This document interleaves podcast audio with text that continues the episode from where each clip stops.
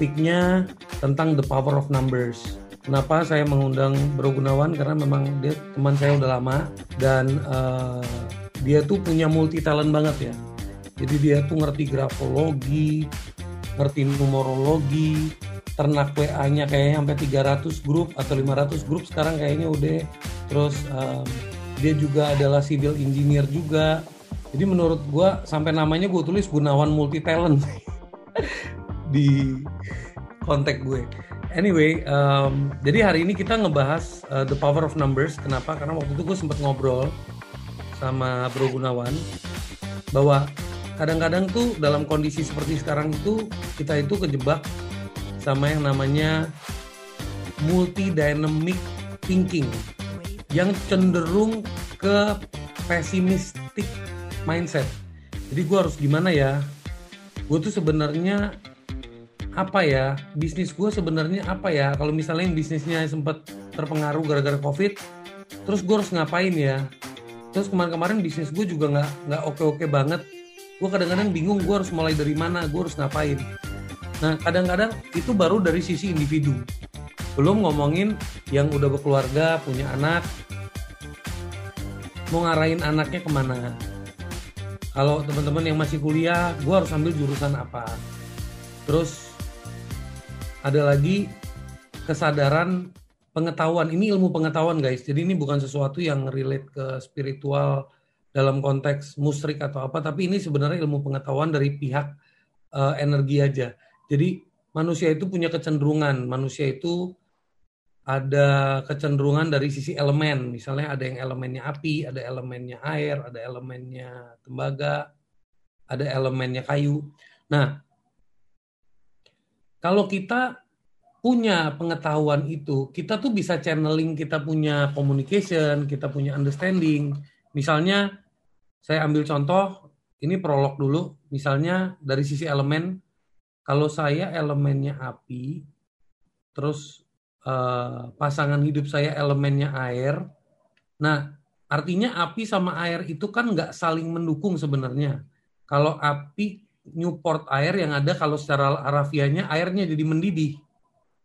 Tapi kalau air yang Newport api, apinya malah padam. Berarti kan itu kita dalam konteks seperti itu kita sadar, oh berarti gua nggak boleh begini, oh gua nggak boleh begini. Nah dalam pemikiran-pemikiran seperti itu, kita bisa lebih adaptif dalam menghandle komunikasi karena kita tahu elemennya di luar dari karakter sama attitude orang itu. Elemen itu kan mendasar kalau karakter dan attitude itu terbangun sesuai dia punya gaya hidup, dia punya lingkungan dan sebagainya. Tapi ada hal-hal yang mendasar gitu. Gitu teman-teman. Pak Gun, semoga saya nggak salah menjelaskan. Oke. Jadi saya curhat dulu ya, curhat dulu seperti perkenalkan dulu lah. Perkenalan dulu lah. Perkenalan dulu. Oke. Oke, oke. Uh, nama saya Gunawan Ardianto. Hmm. Sekarang dipanggil Agun. Okay. Ya karena kalau Gunawan itu kan orang bingung nih Gunawan yang mana, kebanyakan orang nama Gunawan gitu. Terus saya punya brand Agun Konsultan, ya udah lama-lama ya sekitar lima tahun yang lalu lah orang udah mulai panggil saya Agun, Agun, Agun, ya udah lebih singkat gitu panggil Agun aja. Saya cerita dulu kenapa saya belajar Power of Numbers. Saya kerja di proyek mulai 94 Kemudian saya nulis buku tuh 2009. 2009 sampai 2012 berproses malah jadi galau. Aku nih cocoknya kerja di mana gitu. Terus saya ada klien di Makassar, dia punya bisnis laundry. Terus ini, dia kasih saran. Coba Pak Gun belajar power of numbers deh. Saya udah belajar, itu bisa menolong diri sendiri bahkan bisa menolong orang lain gitu. Jadi akhirnya 2013 saya ke Makassar, tiga hari saya belajar di sana, belajar dari foundernya langsung Power of Numbers, Dr. Oliver Tan, orang Malaysia. Nah, dari situ saya belajar tiga hari belajar tentang analisa tanggal lahir. Cuma pertanyaan saya, kalau saya share ke orang, orang percaya nggak ya? Jangan-jangan klinik, jangan-jangan musrik tadi seperti Bronil bilang gitu. Tapi saya mau ambil satu satu fokusan di sini sesuai tema hari ini dari sisi ini aja, bagaimana kita memilih pekerjaan atau bisnis. Nah, mungkin untuk hari ini kita fokus ke bisnis dulu. Bisnis apa yang cocok dengan diri kita masing-masing, sesuai elemen masing-masing. Kemudian yang kedua, gimana pola komunikasi kita dengan orang lain, terutama orang terdekat kita, istri, anak-anak, teman kantor, anak buah. Nah, setelah sekitar tujuh tahunan saya geluti uh, bidang ini, ternyata bisa menolong orang, bisa menolong saya dalam hal misalnya pendekatan ke klien, pendekatan ke bos, pendekatan ke teman-teman di lapangan. Karena tanggal lahir gampang kita nyarinya.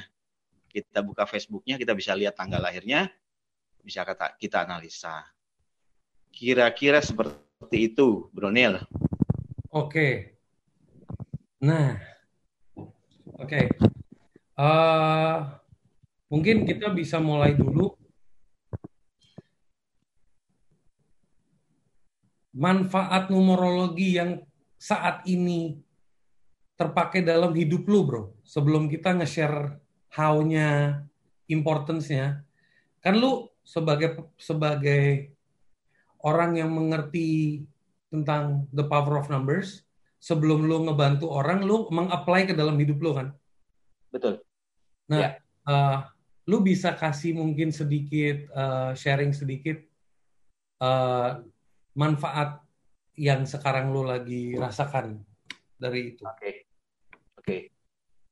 Nanti kita belajar, nanti masing-masing kita belajar menghitung tanggal lahir masing-masing. Nanti kita bisa tahu elemen kita masing-masing apa. Ya, itu yang pertama. Saya elemennya air. Saya lahir 20 Januari 1970. Elemen saya air. Kalau Bronil kemarin saya hitung api. Nah, gue salah pertama yang tadi. Kenapa?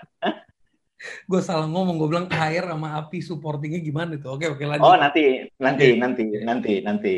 Saya saya elemennya air. Nah, dari 94 sampai 2012 itu aku kerja di proyek. Mm -hmm. Proyek itu artinya properti.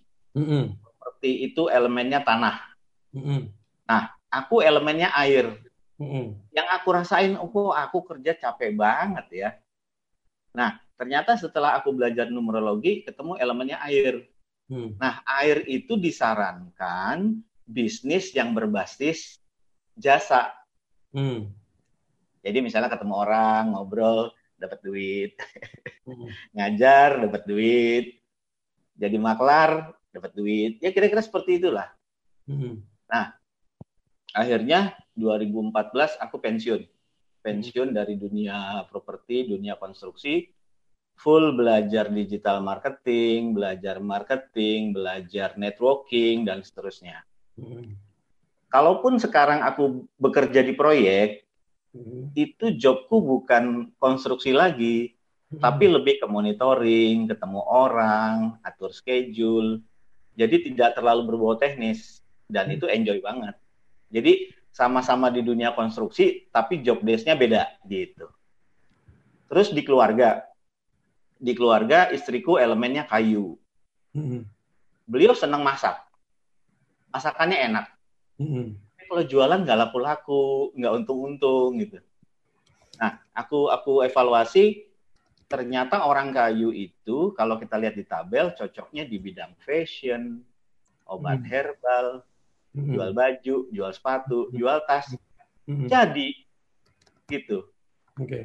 Akhirnya dia bisnisnya pindah ke sesuai dengan unsurnya kayu. Hmm. Termasuk anak-anak gue juga udah gue pitain. Eh, yang satu, yang pertama dia unsurnya api, yang kedua unsurnya logam. Nah, dengan tahu masing-masing elemen, aku air, istriku kayu, anak pertama logam, anak kedua api, kita bisa atur mereka nanti bisnisnya apa, sekolah jurusan apa, pola supporting di keluarga gimana. Misalnya istriku kayu, Hmm. support aku air. Hmm. Aku yang air, support anakku yang kedua yang api. Hmm. Yang api support kakaknya yang logam. Hmm. Si logam support mamanya. Hmm. Yang penting kan dalam sebuah keluarga saling support. Betul. Tinggal arahnya ke mana. Gitu. Nanti itu bisa juga diterapin dalam bisnis, dalam pekerjaan, dalam jualan, apa aja. Asik deh. Gitu. Oke.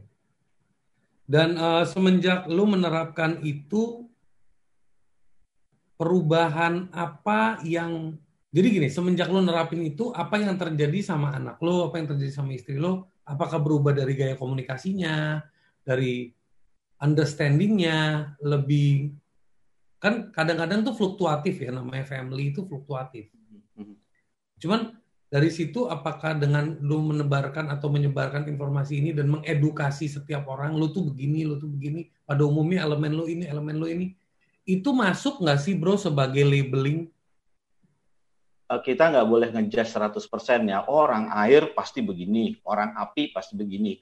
Karena itu juga nanti dipengaruhi pendidikan, dipengaruhi lingkungan, dipengaruhi dia anak sulung atau bungsu banyak faktor. Tapi eh, basically eh, elemen itu berpengaruh. Misalnya aku air, aku sama anakku yang bungsu, yang nomor dua itu dia api. Kita kalau jalan berdua paling cocok gitu. Oke. Dia mau ngapain, dia mau bekerja, dia mau eh, sorry mau jualan, mau belajar, aku yang support. Hmm. Sebaliknya nanti kalau anakku mau jalan, mereka berdua. Hmm. Si api support kakaknya yang logam. Nanti Hmm. kalau jalan berdua, si kakak yang logam support mamanya Hmm. yang kayu. Hmm. Ya sebaliknya kalau aku jalan sama istriku, ya istriku juga support aku gitu. Hmm. Intinya di sebuah keluarga atau di bisnis atau di tim tim apa pun kita saling support. Cuma nanti siapa yang paling pas buat support lo. Nah, gitu. Hmm. Oke. Misalnya gini, kalau kita dalam sebuah tim, misalnya aku mau ngomong sama uh, Bro Nil nih, aku Hmm. kok nggak enak ya kalau ngomong langsung ya. Aku ngomong sama Bambang dulu deh, biar nanti Bambang yang sampein ke Bro Nil. Kan bisa gitu. Hmm. Kadang-kadang kita kalau mau direct ke seseorang, itu nggak pas. Tapi kita minta tolong, minta tolong seseorang untuk sampaikan pesan itu, pas, hasilnya lebih bagus, lebih maksimum gitu. Oh, jadi kalau itu tuh itu jadi kayak oke, jadi tapi dengan konteks pemahaman ini ya, konteks pemahaman elemen ya. Kan Ya. kadang-kadang ada orang itu nggak mau ngomong karena nggak enakan, ntar daripada Ya. tegur daripada itu beda lagi. Tapi kalau Ah. ini konteks supaya energi dan eh, poin yang pengen gue sampaikan itu lebih tepat, itu karena kita punya kesadaran elemen ini lebih support sistemnya Ya. lebih bagus, gitu ya. Kasih contoh lagi, Mm-mm. aku dalam sebuah workshop, aku sebagai fasilitator. Terus aku punya kelompok nih yang aku dampingi gitu ya. Tapi ada salah satu orang yang menurutku ini kok ngendel dia susah banget ya. Mestinya kan Mm. dia dia tunduk sama aku fasilitatornya, dia kan peserta gitu kan. Mm. Nah, akhirnya aku penasaran. Mm-mm. Aku cari Facebooknya, aku cari tanggal lahirnya, aku liatin mukanya, terus aku hitung tanggal lahirnya. Mm-mm. Kami sama-sama air, dia air, aku air. Mm-mm. Ternyata dia airnya air tujuh, aku airnya dua. Mm. Nanti kita lihat deh, nanti kita kita Hmm. coba ya. Aku sama dia sama-sama air, aku dua, dia tujuh. Akhirnya langsung aku balik, aku memposisikan mengalah. Mm. Jadi aku nggak gaya sebagai fasilitator dia peserta, tapi aku balik. Aku Hmm. jadi pelayannya dia. Begitu aku balik, aku yang istilahnya merendah gitu ya. Mm. Eh langsung dia baik banget. Hubungannya Hmm. jadi baik sampai sekarang gitu. Oke. Jadi hanya ngerubah uh, settingan, Iya, pola iya, komunikasi, iya, ah, iya. gitu aja. Ya, ya. Gitu. Itu yang bisa disebut dengan sebenarnya itu juga bisa disebut dengan kalau bahasa kerennya itu emotional intelligence. Ya. Ya kan? Cuman ini berbasis teori numerologi, Ya, gitu. ya kan?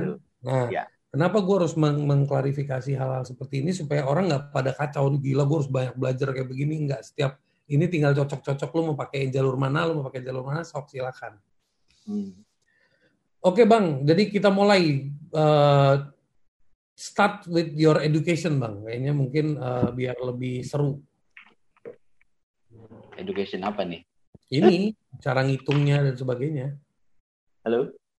Atau fundamentalnya Gimana, dulu. gimana? Jadi lu bisa ceritain elemen tuh ada apa aja, karakter elemen tuh gimana. Mungkin difundamentalin dulu. Oke. Jadi gini, metode untuk memetakan seseorang itu banyak sekali, banyak banget, Hmm. banyak banget. Ada talent mapping, ada grafologi, ada face reading, ada fingerprint. Nah, salah satunya yang kita belajar ini. Inti dari pemetaan seseorang adalah kita mencari pola. Kalau di elemen ada lima, air, api, logam, kayu, tanah. Nanti kalau di tes psikologi ada empat, ada delapan, ada dua belas, macam-macam. Nah, intinya dengan tanggal lahir itu ada polanya. Dan Mm-mm. itu dibagi lima. Mm-mm. Air, api, logam, kayu, dan tanah.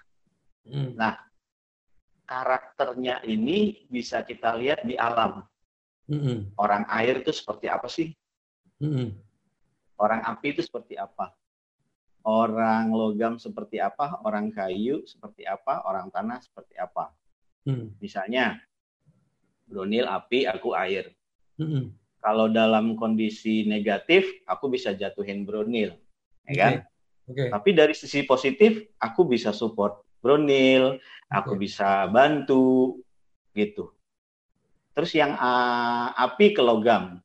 Hmm. Api bisa membakar besi, bisa menghancurkan besi. Tapi dari sisi positif, api bisa membentuk, misalnya mau bikin keris, logam perlu diproses oleh api. Mm-mm. Terus misalnya dari sisi negatif, logam bisa membelah kayu. Mm-mm. Tapi dari sisi positif, logam pahat bisa mengukir kayu jadi hiasan yang indah. Mm-mm. Nah, tergantung kita mau manfaatinnya positif atau negatif. Mm-mm. Gitu. Gitu. Oke. Dan eh, pada umumnya elemen ini kebanyakan orang tuh kalau nggak salah yang pakai tuh lebih ke etnis Chinese ya. Salah nggak sih gue? Atau Jawa juga? Setahu saya itu, setahu saya itu etnis Chinese atau Tionghoa. Hmm. Kalau Jawa nanti ada hitungannya lagi, Kliwon, Legi, Oh, Pahing, iya, iya. Wage. Jadi ada ada Nah, beda-beda juga ya. Ada beda-beda. Tapi bisa dikombin juga. Iya betul. Jadi eh, pola perhitungan ini gimana mas? Pola perhitungannya langsung praktek aja kalau teman-teman ada kertas, Hmm. ada ballpoint, Hmm. coba masing-masing tulis tanggal lahirnya lengkap. Oh ya. Misalnya Siapin saya dulu kertas, suruh siapin dulu teman-teman siapin kertas, ballpoint, ayo. Sekalian Jadi praktek misalnya- nih. langsung praktek. Saya yakin hari ini semua pada pinter deh. Thank you sebelumnya Mas Gunawan. Mau Iya, aku belajar tiga hari, nanti teman-teman belajar dua jam udah pinter.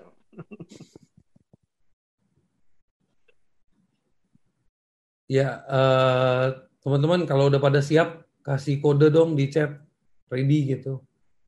Kertas sama pen.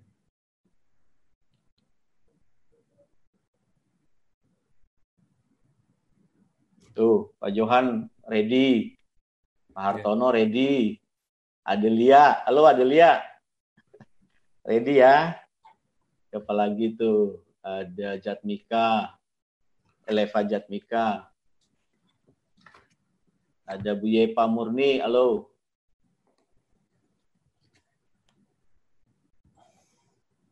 Udah? Dah, sip. Yuk kita mulai. Ini misalnya ta- eh, coba dulu tanggal lahir saya ya. Tanggal lahir saya 20 Hmm, 01 hmm, 19 hmm, 70 70 hmm, 2 20 01 19 70. hmm, Nah, cara menghitungnya hmm, 2 ditambah 0 hmm, ditambah 0 hmm, ditambah 1 ditambah 1 ditambah 9 tambah 7 tambah 0. hmm. Jadinya berapa? Ini ada yang minta dicoret-coret di papan tulis, bisa kelihatan nggak? Bisa?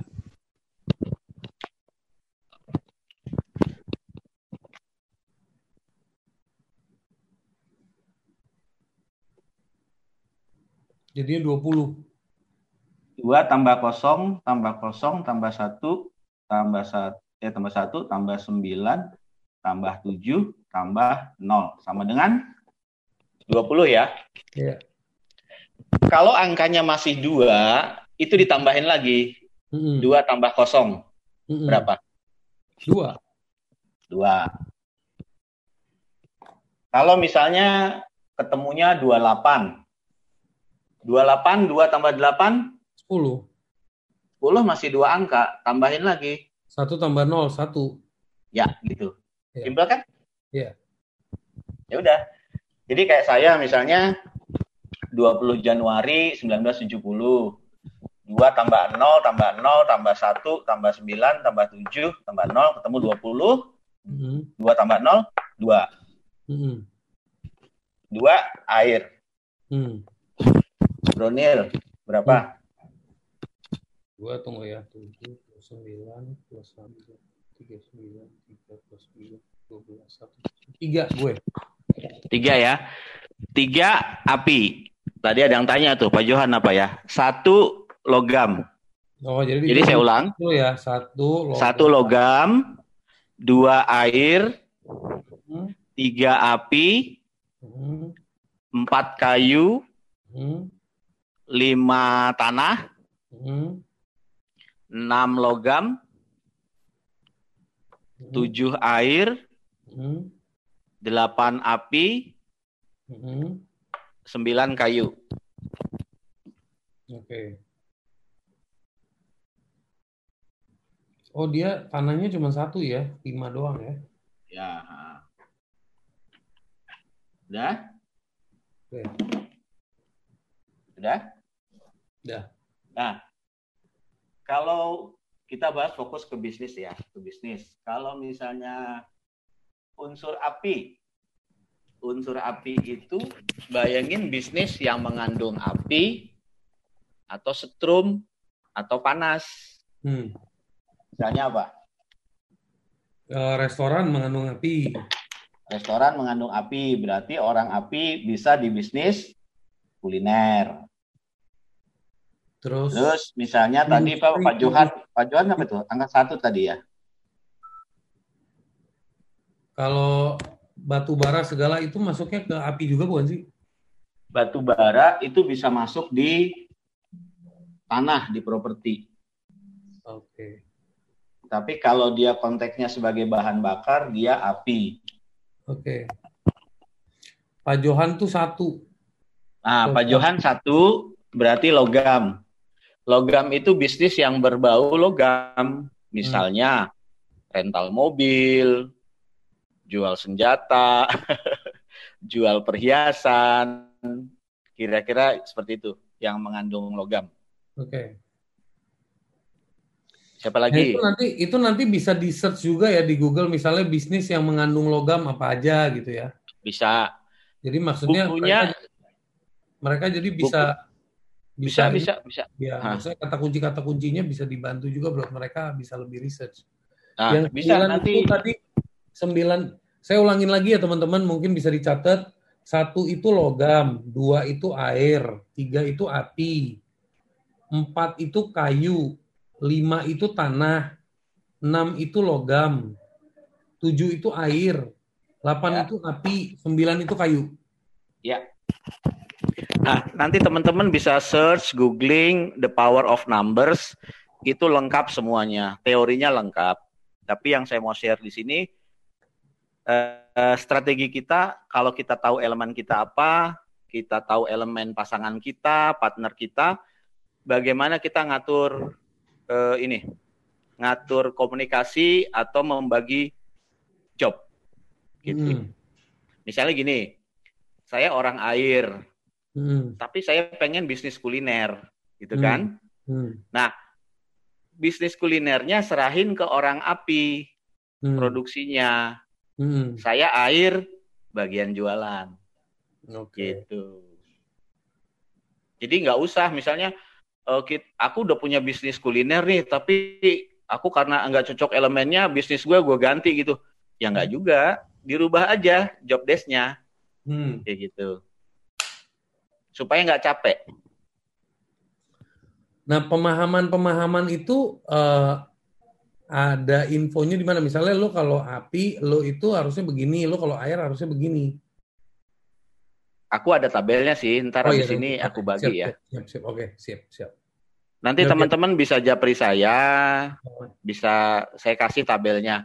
Ya. Tapi kalau misalnya buka tabel nggak tahu nggak mengerti juga percuma. Nggak mengerti ya. juga percuma. Karena ya. googling googling pasti dapat deh. Iya, ya. ya. siap, siap, Saya kasih saya kasih contoh gini. Saya air, istri saya kayu, hmm. anak saya yang pertama logam, anak hmm. saya yang kedua api. Hmm. Pola komunikasi yang saya bangun adalah saya support anak saya yang kedua, Olga namanya. Hmm. Si Olga support kakaknya, hmm. Rahel. Rahel support mamanya. Hmm. Mamanya support papanya. Hmm. Jadi intinya dalam keluarga kita saling support. Hmm. Cuman positioningnya dibeda-bedain. Kadang-kadang kan ah. di bawah, anaknya di atas nih kayak di kalau di tabel di dirubah, jadinya ya berubah, betul. Ya. Kalau saya balik, misalnya saya support bisnis istri saya, istri saya support bisnis anak saya yang pertama, dan seterusnya bisa, tapi lebih capek gitu. Oke. Okay. Saya kasih contoh lagi. Saya elemennya air. Mm-hmm. Waktu saya di bisnis konstruksi itu elemennya tanah. Mm-hmm. Saya mundur, capek. Oke. Okay. Gitu. Good idea. Mungkin Pak Gun bisa gambarin di papan tulis pada umumnya, jadi biar tertanam di di benak teman-teman yang lagi belajar, elemen apa support apa. Jadi mereka jadi tahu nih ini aja uh-uh. searah jarum jam aja gampangnya gitu. Berarti air support api. Boleh dicatat ya, ya teman-teman. Air support support api. Eh, ya, ya api. Api support logam. Api support logam, logam support kayu, kayu, kayu, kayu support tanah, tanah support air. Oke. Okay. Pola komunikasi misalnya di kantor juga begitu. Misalnya kita mau ngomong sama kayu nih. Mm-hmm. Kalau ada pilihan lain, misalnya orang logam atau api, lebih baik kita ngomong ke sini dulu. Mm-hmm. Supaya dia ngomong ke sini. Mm-hmm. Atau kita ngomong ke sini dulu, baru ke sini. Mm-hmm. Searah jarum jam. Mm-hmm itu itu pengalaman saya. Jadi misalnya saya lagi joinan nih sama tiga orang, ya pola komunikasinya saya bangun seperti ini gitu. Hmm. Intinya kan saling support. Cuma hmm. arahnya ke mana-kemana. Nah itu istilahnya bedanya orang yang punya ilmu dan mengaplikasikan sama orang yang blank gitu kan? Ya, gitu.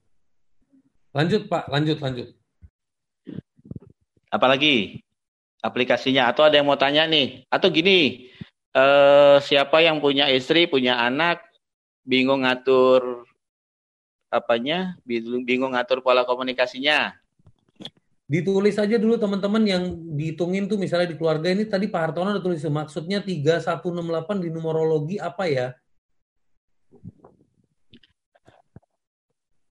Oh, itu eh, itu hasil hasil perhitungan tadi. Jadi dari tanggal lahir tadi itu kan bisa menghasilkan angka 1, 2 sampai 9.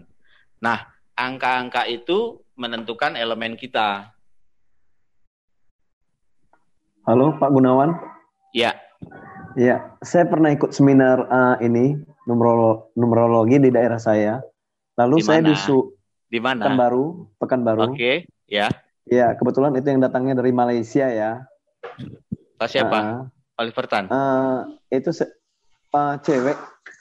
Cewek, ah, okay. saya lupa namanya udah lumayan lama. Lalu okay. uh, dia dia ada kasih tahu dibilang letak pot dan yang ada tulisan uh, ternyata 3168 di uh, di dekat samping pintu rumah gitu. Uh, saya udah lupa penjelasannya. Saya, saya duluan uh, kurang ngerti gini-ginian setelah saya search Google. Wah, rupanya ini luar biasa di division 3168. Oh, iya. gini saya belum sampai ke sana. Saya belum sampai ke sana. Jadi 3168 itu ibaratnya kita punya sertifikat. Ya. Jadi saya lupa ya harganya berapa ya. Waktu itu tahun 2013 itu saya belajar ini tiga hari bayarnya 3 juta. Tahun 2013, hmm. bayangin 3 juta, sekarang mungkin setara 5-6 juta ya gitu ya. Iya. Nah, ada next level, itu kita bayar lagi, terus beliau bisa kasih istilahnya angka hoki gitu loh. Angka iya. hoki misalnya tadi 3168. Yaitu angka-angka hoki kita gitu loh. Tapi tapi kita saya saya pribadi belum belum sampai ke sana ilmunya ya. Karena harus bayar lagi. Tapi maksud saya gini, paling tidak orang awam, teman-teman hmm. yang ini cuma sharing sama saya satu jam dua jam, udah bisa menghitung angka elemen masing-masing. Bisa ngitung elemen orang lain atau keluarga atau tim di kantor, sehingga pola komunikasi ini bisa kita terapin. Sehingga hubungan di kantor, di rumah, pola supporting kita dalam bisnis itu lebih lebih enak kayak gitu. Iya. Ya. Iya. Kalau tadi satu dua tiga sampai sembilan itu uh, nomor-nomor elemen kita ya. Iya. Jadi yang 3168 saya nggak bahas ya. Ilmunya ketinggian. oh. Karena ya. soalnya teman saya ada satu orang yang udah berkeluarga, dia itu beli ah. entah berapa puluh juta, 60 juta atau berapa itu yang ada apanya luk, ah, kayak lukisan gitu sertifikat. Iya, iya. Dia suami istri itu... sering bentrok, dia pasang di dapur katanya, iya nggak pernah bentrok sampai hari ini gitu. Saya pun heran aja gitu. Iya, itu lucky number lah. Itu oh, number, saya ya. saya ilmunya belum sampai ke sana, ya. Soalnya Daripada saya dulu ikut pertama ikut seminarnya saya kan uh, masih baru ikut acara seperti ini. Saya pun setengah percaya setengah tidak setelah saya search Google saya jadi Aha. wah gitu luar biasa kan ini yang buat vision of number ini Datuk ya ya uh-uh. ya jadi maksud saya yang 3168 lagi tadi saya nggak bahas karena ilmunya tertinggi dan mahal ya kan bayangin 60 juta bayarnya uh-uh. tapi maksud saya ini, sharingnya dengan, gratis ini sharingnya gratis loh saya belajar tiga hari saya belajarnya tiga hari saya ringkas dan sebetulnya cara ngitungnya itu nggak nggak sesimpel ini. Saya boleh cerita, Bronil kenal Cakman nggak ya? Bukan kenal lagi. Jadi gini, the power of number itu cara menghitungnya sulit.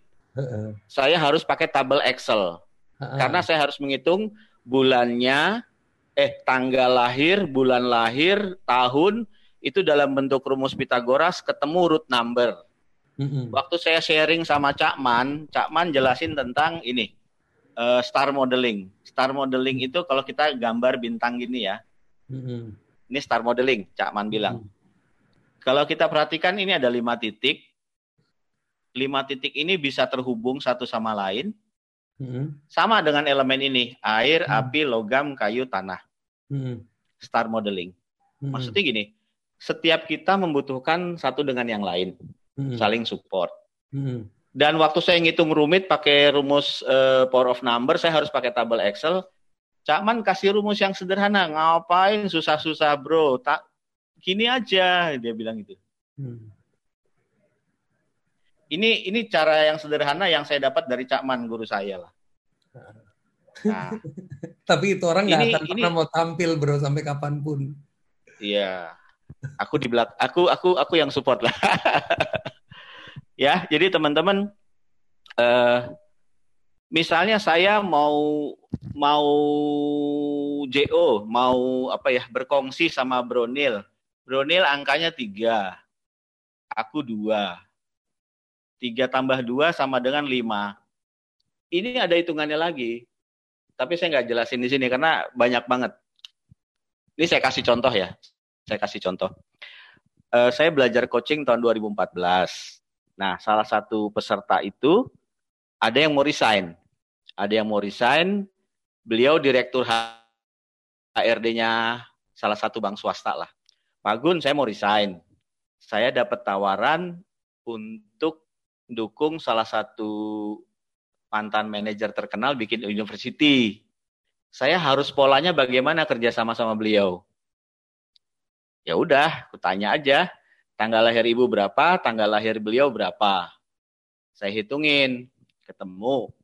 Beliau itu tadinya mau dijadikan karyawan atau manajer di universitas itu. Terus setelah saya hitung nggak cocok seperti itu gitu loh. Saya sarankan beliau jangan jadi karyawan atau menjabat posisi tertentu di struktur universitas itu. Saya bilang, Bu, ngapain Ibu resign dari bank ini pindah ke situ, toh Ibu jadi karyawan lagi di situ.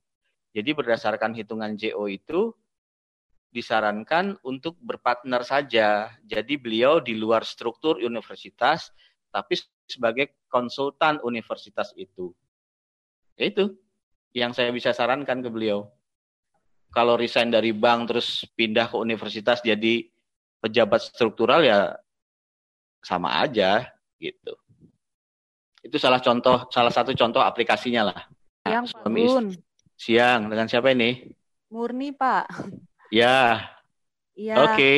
Salam kenal. Pak ya. Kan tadi kan sempat share kan kalau api itu kan eh, cocoknya dia di kuliner gitu ya. Salah Terus satunya. Bapak sebagai uh satunya boleh saya tahu lagi nggak sih Pak selain kuliner apa karena mengingat saya tuh di api. Oke, nanti tabelnya saya share ya. Bronil kalau misalnya nggak keberatan, hmm. teman-teman yang hadir malam ini, eh malam ini, yang hadir siang ini, hmm. dibuatin WA grupnya, saya share di grup. Oh iya, Karena boleh. tabelnya banyak ya. Oke. Okay. Tapi saya akan batasi hanya untuk memilih bisnis dan profesi. Oke. Okay. Ya.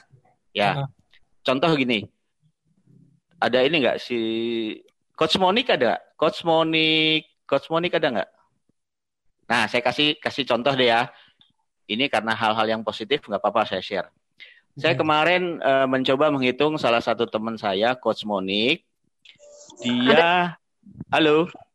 Ya ada, ada Pak Agun. Coach Moni kemarin elemennya apa?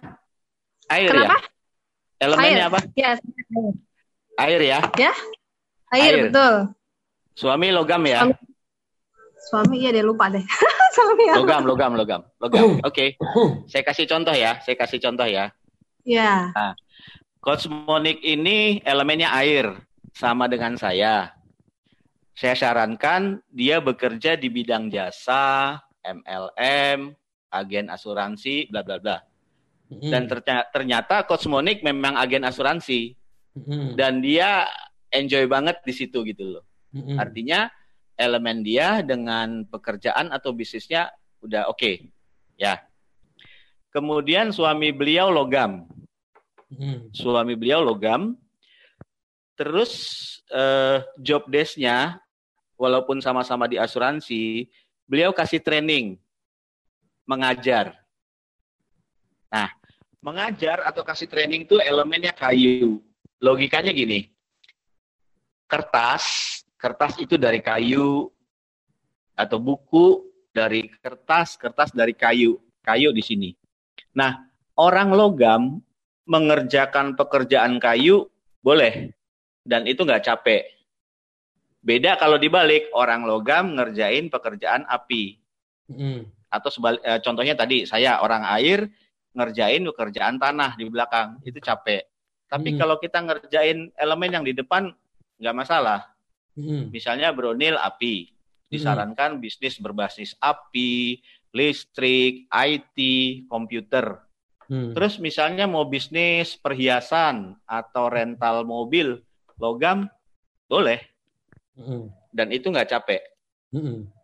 Nah, kalau dilihat di tabel detail, kemarin uh, Bro Nil tanya, kalau gue unsur api buka restoran boleh nggak? Boleh. Mm. Tapi disarankan bukan seafood. Mm. Seafood itu bisnisnya orang air. Mm. Nanti di tabel jelas banget. Pantesan, Jadi satu elemen. Pantesan dari dulu gue pengen masuk ke industri perikanan itu kayak ada resistensi. Ya, karena unsur api ngerjain air enggak, bisa, enggak. tapi capek, iya, capek, yeah, capek. Yeah. Jadi Bronil unsurnya api ngerjain IT udah pas banget deh. Mm -mm. Gitu. Mbak Muri apa unsurnya api ya? Uh, saya tadi api Pak, delapan. Ya, api delapan. Gimana? Intinya gini, Nanti kalau kalau detailnya, detailnya nanti saya share di grup ya. Nanti Bronil biar bikin WA grup, nanti saya share tabelnya karena pilihannya banyak banget. Satu unsur itu bisa sepuluhan sepuluhan alternatif. Bentar, saya buka tabelnya deh.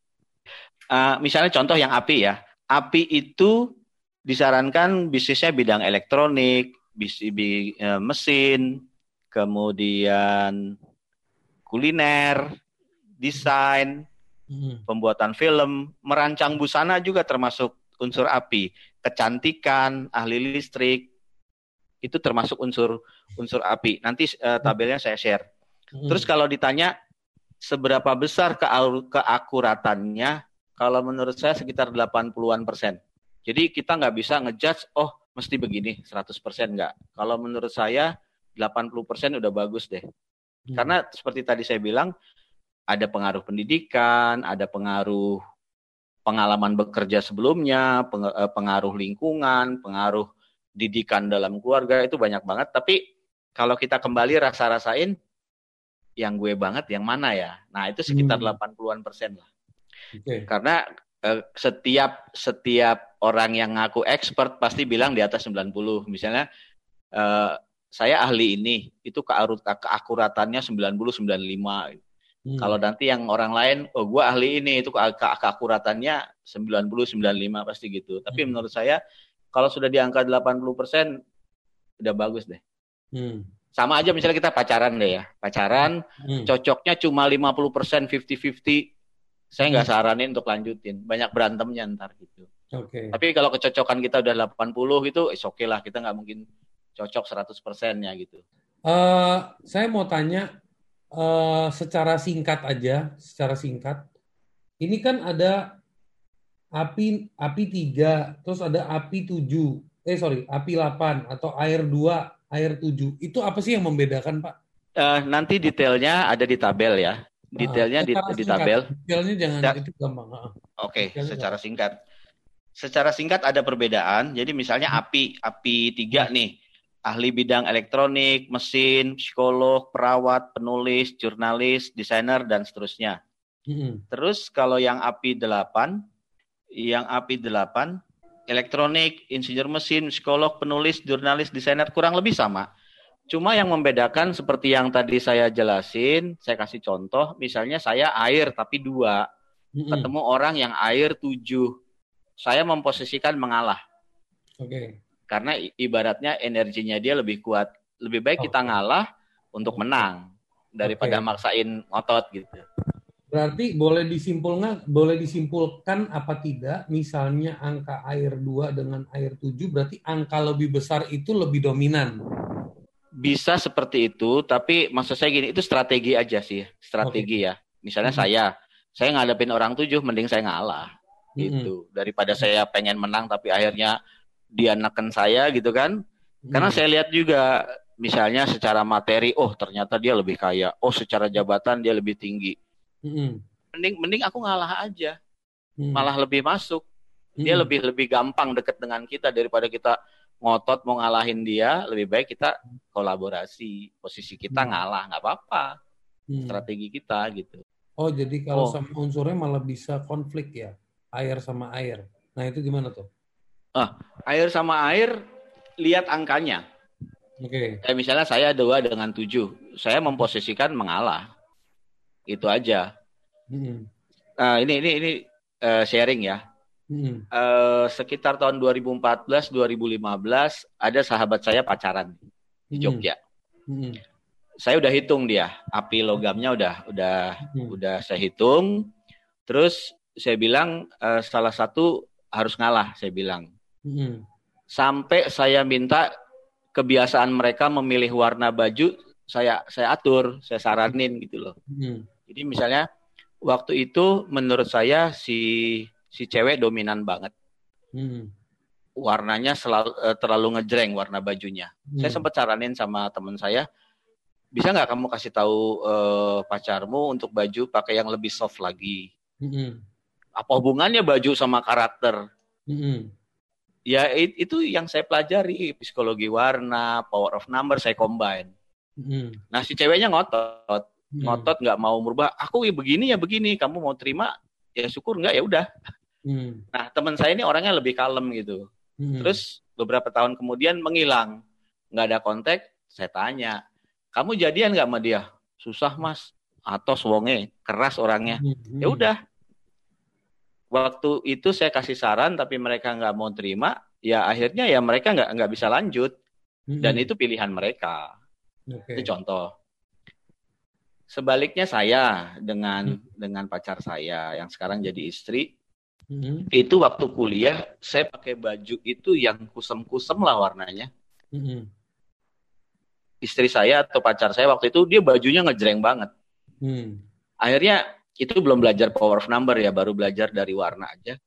Akhirnya dia nyaranin saya eh bajunya ganti yang agak cerah biar nggak pucet.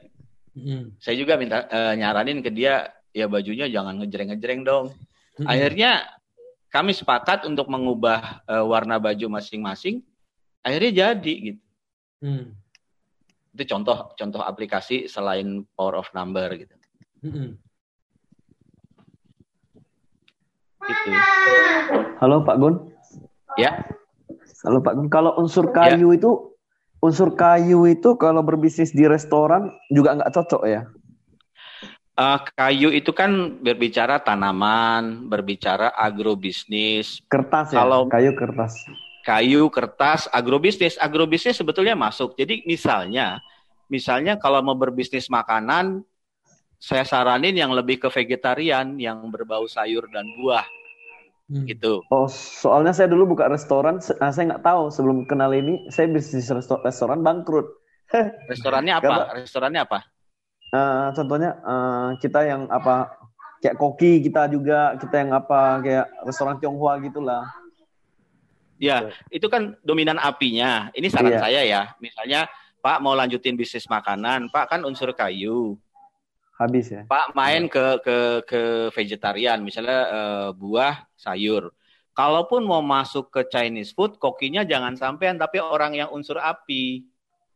Oh, Hmm. orang yang surapi ya.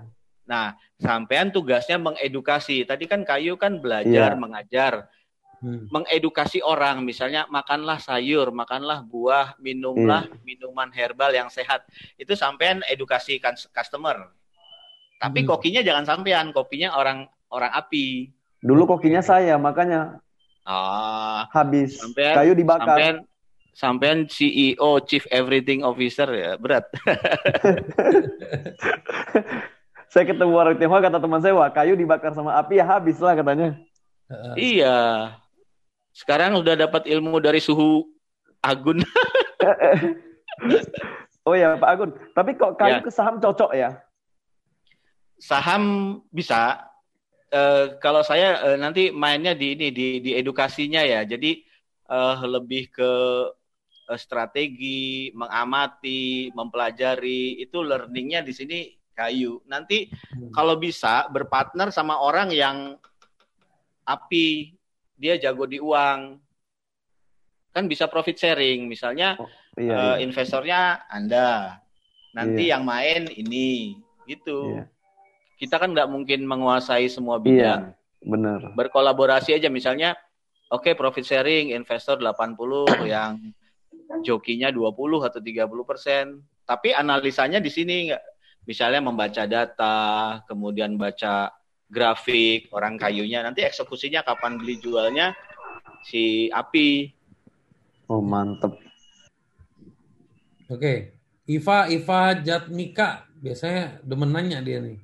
Tumben silent. Kalau unsur kayu berarti di properti cocok juga ya, Pak Gun? Properti bisa, properti kan tanah.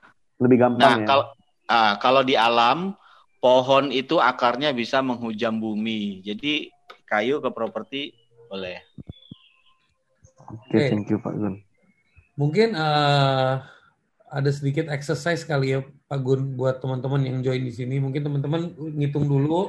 Exercise-nya coba Ah, hitung eh, root number atau elemen masing-masing pasangan dan anak misalnya atau Iya, tim betul. kerja.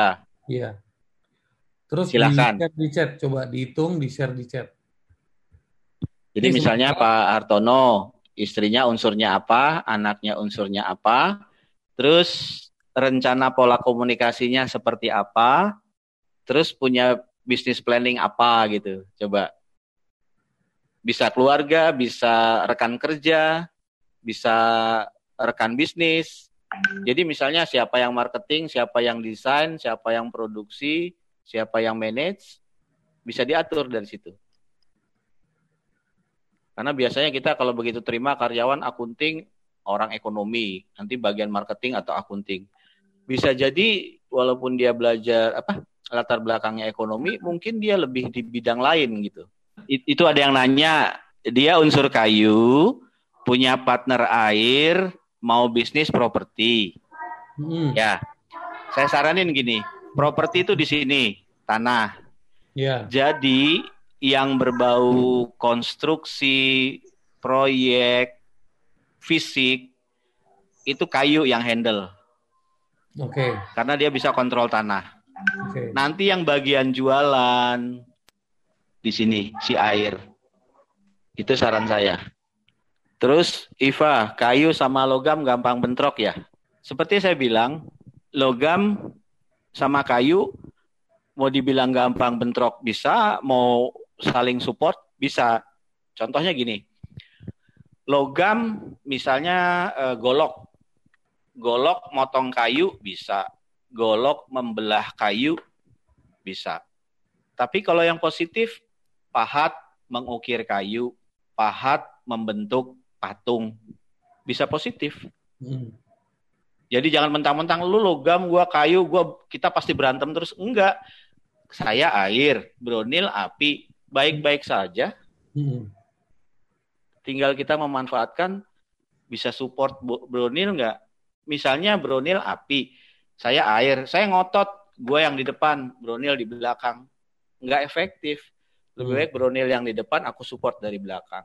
Hmm. Nah kebanyakan kan orang masalahnya pengen tampil di depan gitu. Hmm. Kayak gitu. Padahal yang penting kita bisa saling support, bisa bagi tugas gitu. Hmm. Api kalau bisnisnya kebutuhan sembako cocok nggak? Api, api sembako. Kalau kita lihat sekarang ya dalam kondisi krisis seperti ini, sembako suka nggak suka itu kan kebutuhan primer. Hmm. Pasti orang perlu barang itu. Nah sekarang masalahnya orang api ini dia concernnya di mana. Mm-hmm. Kalau kita lihat di tabel nanti itu di keuangan, mm-hmm. ya kan? Berbau duit lah. Mm-hmm. Nah saran saya jangan dikerjain sendiri. Mm-hmm. Bisa aja si orang api ini gandeng orang air. Mm-hmm. Biar si air yang jualan, si api yang manage. Mm. Atau yang jual si kayu. Kayu itu kan termasuk agrobisnis ya, kayak misalnya ada beras, ada tepung, itu produk-produk agrobisnis. Kasih orang kayu, si api kontrol. Karena sembako kan banyak, ada beras, ada daging, ada tepung, ada garam, tapi mayoritas ada di unsur kayu. Jadi nggak apa-apa si api kontrol kayu atau yang jualan si air. Hmm. Okay. Intinya sem semua bisa, tapi job desk-nya nanti yang diubah.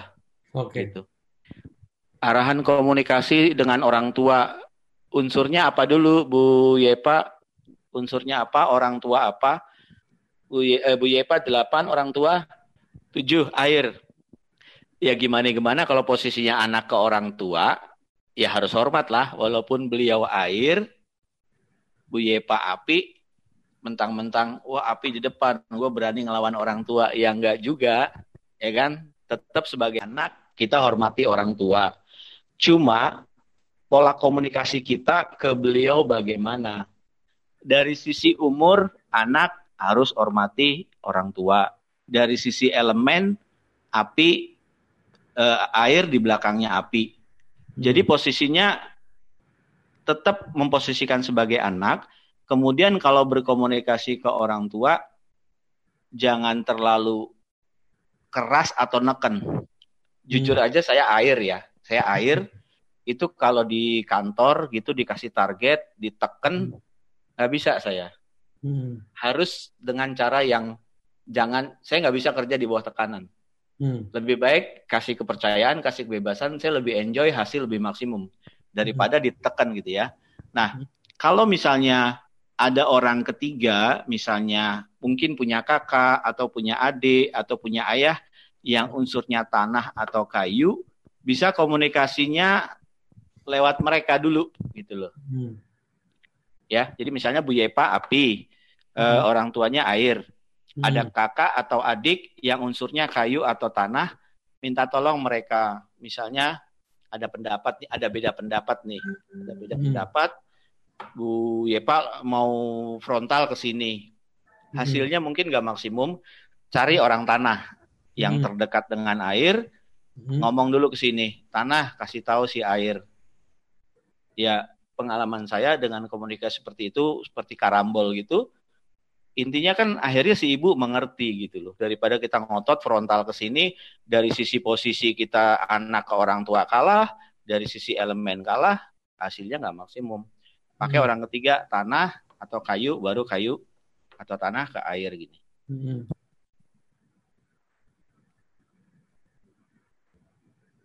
Gitu. Pak, kalau ditanya uh, tentang support itu artinya pengertian support itu uh, di pola pikir saya dan mungkin ini membantu teman-teman yang lagi nonton. Itu support itu fungsinya adalah di belakang atau di depan, Pak? Support di belakang bisa berfungsi support, bisa kontrol. Misalnya aku bisnis sama Bro Bro Neil, Bro Neil okay. api. Bro, sabar Bro. Mungkin bisa cara ini. Okay. Kan gitu. Uh. Ya kan? Kita kita di belakang nih ngasih tahu. Misalnya ternyata sudah sudah keterlaluan, membahayakan. Aku sebagai air tinggal nyiram api aja belum malah jadi padam kan gitu. Hmm. Gitu. Jadi fungsi kontrol, fungsi supportingnya bisa seperti itu. Wah, hmm. Bro Neil nih ngomongnya terlalu belak-belakan, Bro. Agak direm sedikit, Bro. Nanti hmm. mungkin orangnya begini-begini. Nah, hmm. saya bisa ngomong dari belakang. Tapi misalnya saya frontal dengan api, saya kalah. Okay. Diam loh. Wow.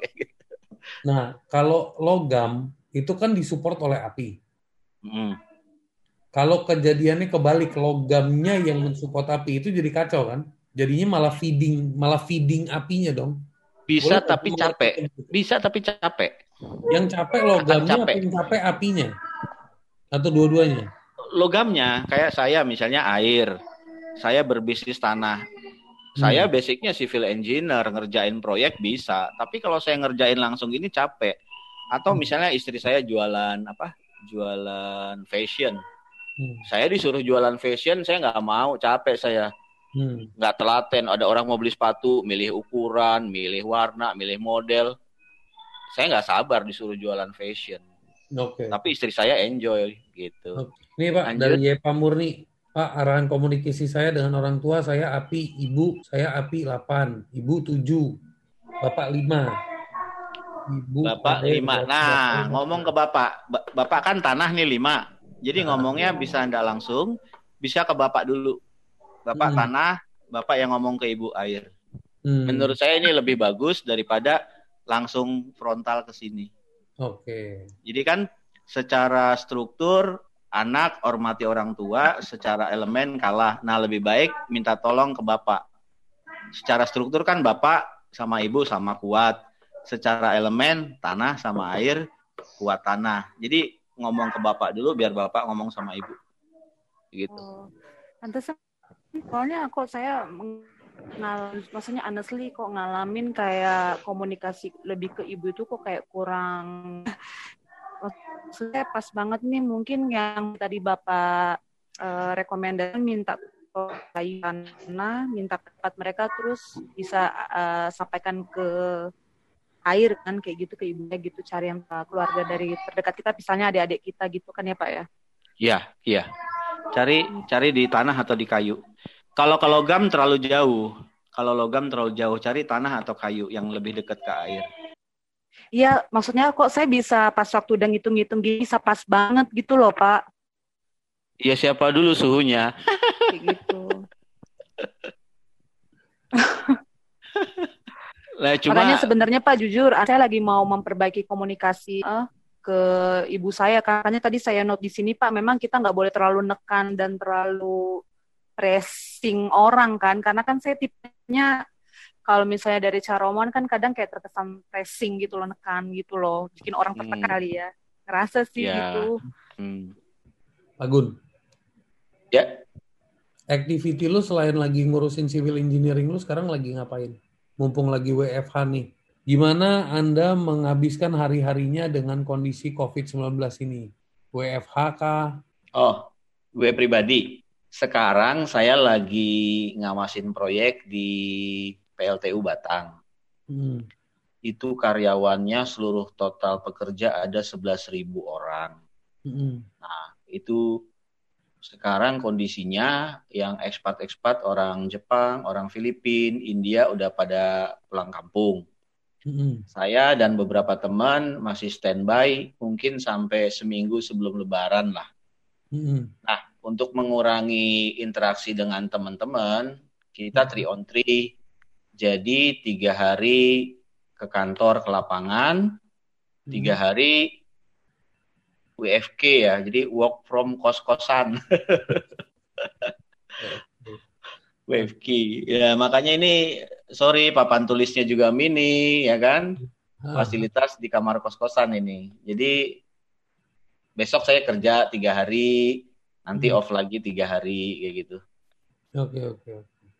Nah, ini teman-teman yang pada bisnis lagi bingung juga harus shifting ke mana. Hmm. Nah, dengan power of numbers ini cukup menolong untuk mereka harus shifting ke mana gitu. Jadi okay. misalnya apakah mereka harus produksi masker ataukah jangan produksi, lu jualan aja jadi reseller. Kadang-kadang kan orang ngotot sekarang lagi bikin masker, bikin hand sanitizer semua pada jualan itu. Padahal hmm. mungkin dari sisi elemen capek walaupun pasar membutuhkan. Jadi boleh jualan masker atau hand sanitizer tapi jangan produksi. Hanya jualan aja, ambil dari orang jual biar orang yang produksi gitu loh. Hmm. Jadi eh, kebutuhan pasar membutuhkan barang-barang itu, tapi dengan kita lihat elemen kita lebih bijak kita eh, ambil job desk yang mana, apakah hanya jualan atau hmm. memanage atau kita yang produksi. Nah dari elemen itu kita bisa bisa bisa pilih kayak gitu. Hmm atau yang mau lari ke frozen food, mau ya, jualan makanan siap saji, mau jualan takjil, terserah. Boleh main takjil, mau produksi, mau jual atau gimana? Iya Pak Gun. Ya. Pak Gun mau nanya, kalau unsur kayu itu nggak cocok untuk jualan ya? Mau jualan apa? Oh enggak. Tadi kata Pak Gun lebih cocok apa uh, sebagai apa kontrolernya? Bukan, bukan. Tergantung mau jualan apa dulu. Tadi kan misalnya Pak Hartono unsurnya kayu. Misalnya mau buka restoran Chinese food misalnya. Apinya yang jadi koki, yang elemen api jadi koki. Terus Pak Hartono itu elemen kayu punya kekuatan di edukasi. Jadi misalnya bikin makanan sehat, bikin makanan vegetarian, bikin minuman herbal. Nah, Pak Hartono yang mengedukasi. Jadi cara jualannya dengan mengedukasi orang. Oh, manfaat sayuran ini, manfaat buah ini, manfaat herbal ini.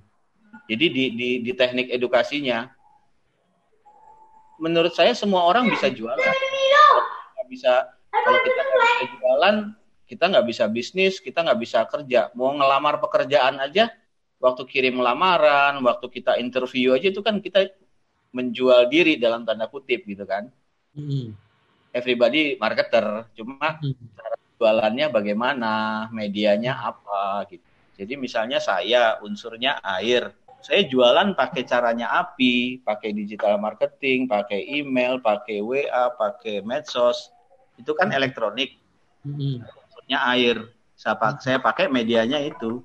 Pak Hartono mau jualan apa? Bukan kebetulan lagi, uh, saya fokusnya di saham sih. Ya kalau saham menurut saya lebih baik sampai yang mempelajari, misalnya baca data, kemudian iya. Saham-saham apa yang lagi bagus, saham-saham apa yang lagi turun, itu eh, Pak Hartono yang mempelajari itu, mempelajari data.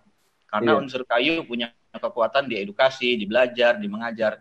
Tapi nanti yang eksekutornya saran saya si Api ya, karena dia berani, dia eh, kalau soal duit saya lihat yang api ini lebih lebih kuat dari kayu gitu. Jadi jangan dikerjain sendiri gitu. Jangan dikerjain sendiri ya betul. Iya. Ini nih gimana ya? Saya saya percaya hal seperti ini ya Pak Gun ya. Soalnya kemarin waktu Vision of Number datang ke Pekanbaru itu acaranya di Hotel Arowana di Pekanbaru. Hmm. Lalu mereka ada cerita sama CEO-nya Hotel Arowana pemiliknya. Katanya hotel ini nggak bisa bertahan lama karena nama hotelnya itu Arowana. Arowana tuh nggak bisa nggak bisa jadi merek untuk di hotel. Dan terbukti nggak sampai satu tahun hotelnya bangkrut diakuisisi orang lain gitu. Dan sekarang udah ganti nama. Sukses hotelnya sekarang. Uh, Percaya atau enggak ini ya kisah nyata.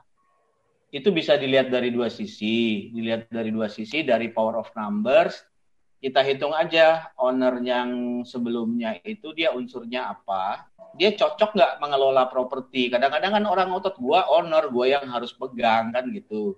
Sebetulnya hmm. misalnya kita lihat, ternyata misalnya ya, hotel itu kan di sini, di tanah. Hmm. Misalnya saya nih, saya yang punya hotel itu, saya unsurnya air saya tidak akan mengelola itu hotel.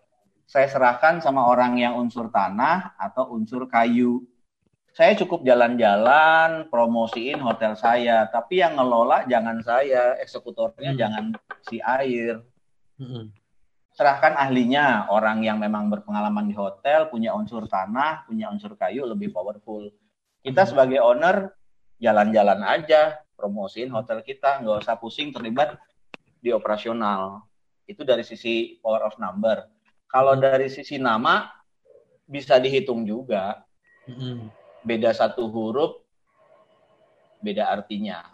Hmm. Tapi saya nggak bahas soal nama karena hmm. ada yang lain.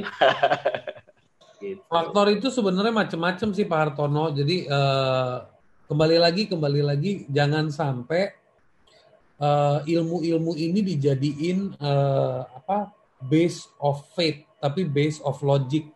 Jadi betul. Base of faith itu kan kadang-kadang itu punya energi ya. Misalnya gini, ah 10 orang ngatain gue sih goblok, gue nggak bakal bisa sukses. Terus you jadiin itu sebagai belief system ya lu beneran bakal nggak sukses. Karena itu belief Mantap. system kita yang mengamplifikasi. Betul. Tapi kalau misalnya, oh kenapa gue nggak sukses? Karena selama ini gue elemen api, tapi gue mainnya di bidang-bidang yang sebenarnya tidak selaras dengan elemen energi gue, misalnya oh gue coba dulu deh. Karena ada juga orang yang bisa ada kasus orang yang mungkin dalam konteks seperti ini gue harus ngomong begini dulu Pak Gun. Jadi ada iya. kasus yeah. yang misalnya orang yang mungkin tadi dibilang lu elemen api lu nggak cocok kalau lu masuk ke perikanan contohnya gitu. Itu sebenarnya nggak bagus buat lo tapi ada yang sukses dengan elemen api.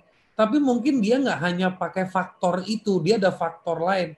Jadi istilahnya bukan berarti ilmu ini tidak berguna tapi juga bukan berarti ilmu ini adalah ilmu yang menggantikan uh, kekuatan ketuhanan gitu loh. Jadi ini hanya membantu kita agar kita tahu oh kalau begini jadinya begini dan pada saat kita praktekin oh ternyata it's better ya. Oh ternyata it's making things better for me. Ya lanjutin gitu. Nah, itu dia, mantap. Nah, contohnya gini, Cuma misalnya, sebagai booster aja. Nah, misalnya Bronil nih, Bronil unsurnya api mau bisnis perikanan. Hmm. Job desk-nya yang dirubah. Hmm. Kolam ikannya yang ngurusin orang air atau orang tanah. Hmm. Nah, Brunel sebagai unsur api bikin teknologinya, misalnya bikin software untuk mengatur kapan feeding. Misalnya ikan umur seminggu harus eh, pakannya satu kilo sehari, umur dua minggu satu setengah kilo. Bikin softwarenya, bikin alat untuk aerasi untuk cari oksigen di situnya. Tapi yang ngurusin ikannya pelihara hari-harinya saran saya orang air atau orang tanah gitu. Hmm. Nah ya pemahaman-pemahaman seperti itu yang kadang-kadang orang kan kalau dapat info tuh harafiah banget ya. Oh ya. gue nggak bisa begini, artinya gue nggak begini. Nah itu maksud gue gue mau coba teman-teman biar nggak pada salah persepsi gitu. Makanya saya udah udah udah gelutin tujuh tahun tapi banyak orang ah gue nggak percaya ah itu uh, apa ya, ya istilahnya musrik lah oh itu uh, klinik lah ya seperti itu saya kasih contoh kasus gini saya uh, pernah ke Jogja ada teman yang mendalami perhitungan Jawa jadi Kliwon lagi pahing dikombin hmm. dengan Masehi Minggu Senin hmm. Selasa Rabu Sabtu hmm. Hmm. itu ada hitungannya misalnya aku mau ketemu seseorang hmm. mau negosiasi itu milih hari apa, tanggal berapa, itu bisa dihitung. Yeah. Cuma saya nggak bahas di sini. Cuma intinya gini, itu suatu pola. Jadi dengan perhitungan kita hmm. bisa meminimalkan resiko. Hmm. Jadi gini, waktu saya skripsi, saya bikin software. Dosen saya bilang gini, setiap permasalahan yang bisa dibuat bahasa matematika, bisa dibuat polanya, bisa jadi software dan bisa solve the problem. Begitu. Saya kasih ta uh, saya tanya sama teman saya, ini misal nih, ada dukun di tengah hutan, ada warganya sakit. Gimana dia cara menentukan obatnya daun apa, kayu apa? bisa hmm. dihitung ternyata. Jadi hmm. selama ini saya pikir, oh itu klinik, oh itu hanya berdasarkan wangsit. Ternyata saya bikin tabulasinya di Excel, hmm. bisa dihitung. Jadi misalnya si A sakit, hari A, ini ini dukun ya versi dukunnya. Si A sakit hari apa, tanggal berapa, si si, si dukun dengan cepat menghitung obatnya daun ini. Nanti suatu waktu, oh obatnya kayu. Suatu saat cukup keningnya ditempelin batu sembuh itu bisa dibuat pola dan bisa dibuat software. Mm-hmm. Nah, kita yang udah zaman now ini ya udah ilmu yang punya mbah-mbah kita tinggal kita masukin di Excel udah dapet hitungannya. Oke okay, guys, uh, ini kita sudah sampai ke penghujung acara. Teman-teman belum pada ngerjain tugas suruh ngitung. Anyway, link WA-nya sudah ada di grup di chat. Yang berminat mau masuk ke WA grup silakan Uh, terima kasih banyak Pak Gun atas sharingnya, atas formulasinya. Semoga ini menjadi manfaat buat teman-teman, menjadi ilmu tambahan. Dalam kondisi seperti ini kita harus punya mental bertahan, bukan mental menyerah. Dan ini adalah kesempatan kita untuk meningkatkan skill dan ilmu-ilmu baru agar pada saat adaptasi kita berjalan ini kita bisa lebih tajam dan semoga teman-teman semua selalu diberkati Tuhan Amin. Jangan lupa biasain yang namanya ilmu bersyukur. Itu pesan dari saya. Dan sapa teman-temannya, tolong disapa teman-temannya yang udah lama, yang memang orang-orang yang sebenarnya tadinya mungkin lo pikir orangnya gimana-gimana, tapi dari hati lo, lo tahu orangnya punya kebaikan, punya ilmu, dan lo bisa menimba ilmu. Say hello, say thank you. Ego tuh sekarang dibuang lah. Be kind itu aja sih. Okay. Pak Gun, pesan-pesan terakhir Pak Gun. Eh terakhir. Jangan bilang pesan terakhir. Pesan penutup. pesan penutup. Oke, okay, terima kasih buat teman-teman semua, Bronil yang sudah ngajak saya syuting. ya ilah.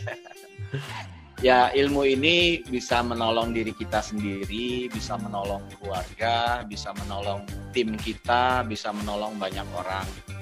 Kalau orang nggak percaya, ya nggak apa-apa tapi saya sudah buktikan tujuh tahun terakhir ini sudah menolong keluarga saya, menolong saya, menolong tim saya, menolong orang yang lagi galau untuk bisa shifting dari karyawan ke bisnis, bisnis ganti produk, dan segala macam. Thank you semuanya. Ini uh, buat teman-teman yang lagi nonton di YouTube, uh, salam juga dari si Taman gue suruh nonton. Uh, uh, ada Mbak Meta, Mbak Siska, Mbak Meta ini penggerak UKM Jateng ya. Salam kenal semuanya.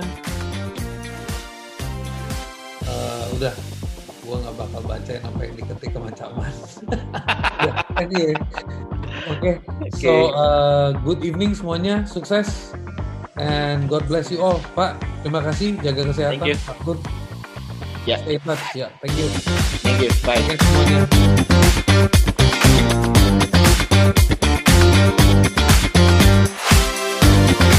you.